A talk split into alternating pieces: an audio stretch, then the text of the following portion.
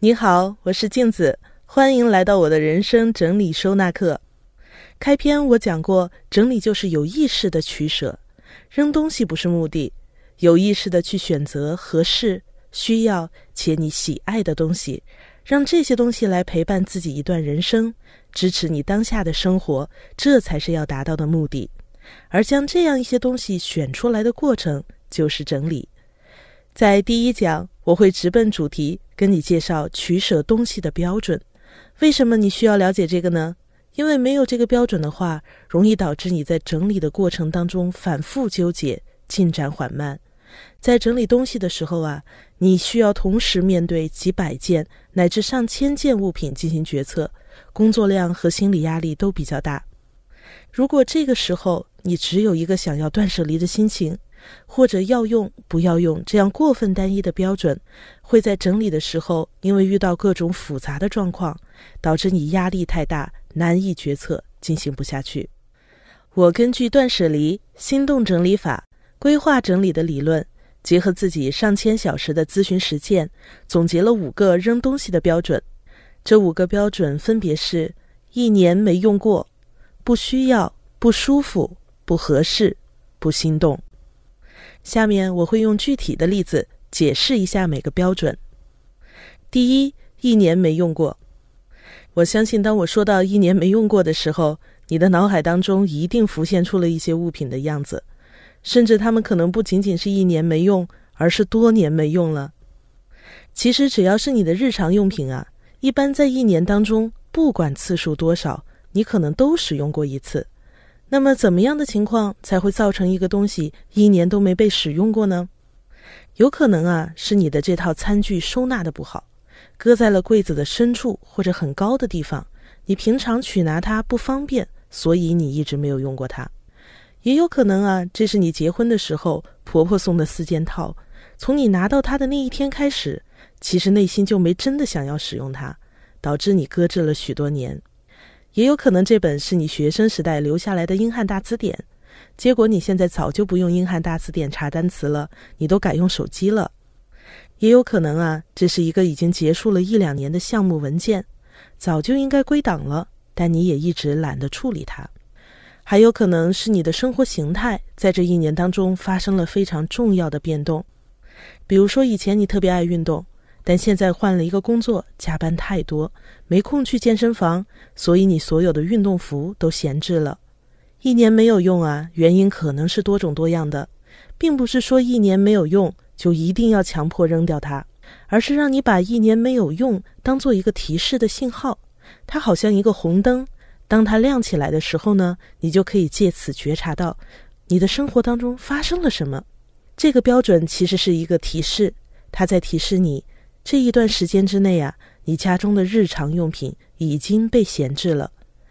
你可以以此作为一个判断标准，在整理的时候，先用时间来做一个筛选，你会非常快速的就能断定它是否是在你今年使用过的日常用品。第二个标准，不需要。为什么不需要的东西你就得扔掉呢？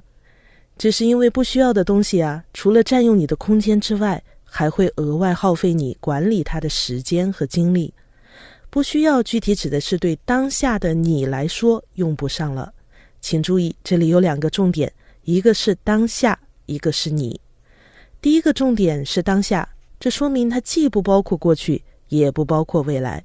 有些物品是你过去需要的，比如说朋友送你的婴儿衣服，但是你当下已经不需要了，因为孩子都长到三岁了。有些情况呢，是你未来觉得需要，哎，万一有一天要用呢？那如何破除这个迷咒啊？我会放到后面专门用一讲来讲。在时间上，你一定要立足当下来做判断，问一问你自己：我现在需要这个东西吗？第二个重点是你自己，要以你自己为中心，不要以东西为中心，不是让你判断这个东西坏没坏，好不好，可惜不可惜。而是让你判断你需不需要它，同时不要扩展出去考虑，有可能家里人需要，诶，有可能你同事需要，你不要替别人思考别人需要不需要。第三个标准呢，不舒服，为什么要考虑不舒服呢？因为你可能忍着这个不舒适，一直在坚持使用耗损自己的东西。不舒服具体指的是生理和心理上的别扭和难受，有的时候是衣物本身给你带来了生理上的不舒服，比如说磨脚的鞋、太紧的裤子、穿着让皮肤觉得刺痒的毛衣、背起来有点勒肩膀的包，就需要考虑进行处理了。还有一些是心理上的不舒服，比如分手后给你带来负面感受的纪念物，比如穿上以后觉得别扭、纠结、害羞，不能大方的展示自己，或者你驾驭不了的衣服，还有一些太脏太旧，看着觉得心里难受的东西。第四个标准呢，不合适，不合适具体指的是不适合自己的状况和条件，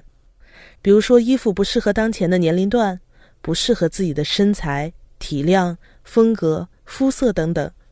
十年前认为好的衣物，也许现在还可以穿，但你也需要考虑是否适合你当前的身份、角色和年龄。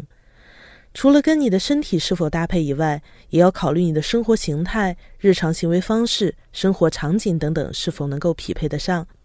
比如说，在一个互联网公司工作的人，可能规整齐备的商务服装就不太用得上。再比如说，如果你常常要出差，可能需要天天细心养护的花草就是不太适合的。第五个标准，不心动。明明这个东西还可以用，如果不心动就要扔，这样会不会显得太浪费了呀？其实并不然，虽然它还没有坏，但是你对它已经无感甚至麻木。在生活当中啊，只要有比它更有心动感的东西，你大概率就不会选择它。所以实际上也是把它搁置在那儿，浪费了。那通过这一个决策标准呢，你舍弃了生活当中不心动、不喜欢、麻木无感的东西，就能让喜欢的东西时刻包围着你，这会大大的提升你的幸福感。当你环顾四周，看到的都是让你产生积极情绪的东西的时候，会给你大大的充电。心动的感觉好像很难捕捉的样子啊。简单的来说呢，就是你看到它的时候，感到了积极喜悦的情绪。有幸福感，想拥有，觉得光鲜亮丽好看，想马上再次使用的心情，这些都是心动的感觉。反之，不心动指的是已经明显无法满足你，不能带给你怦然心动的感觉，比较麻木了。看到它也没有想穿想用的感觉，没有从这件物品上面感到喜爱之情。那万一遇到以上五个选择标准互相冲突了怎么办呢？比如说，你觉得一件东西虽然不合适，但是特别喜欢，怎么办呢？又或者是说，有一支笔，你用起来其实不舒服，可是当下又需要这样一支笔，那怎么办呢？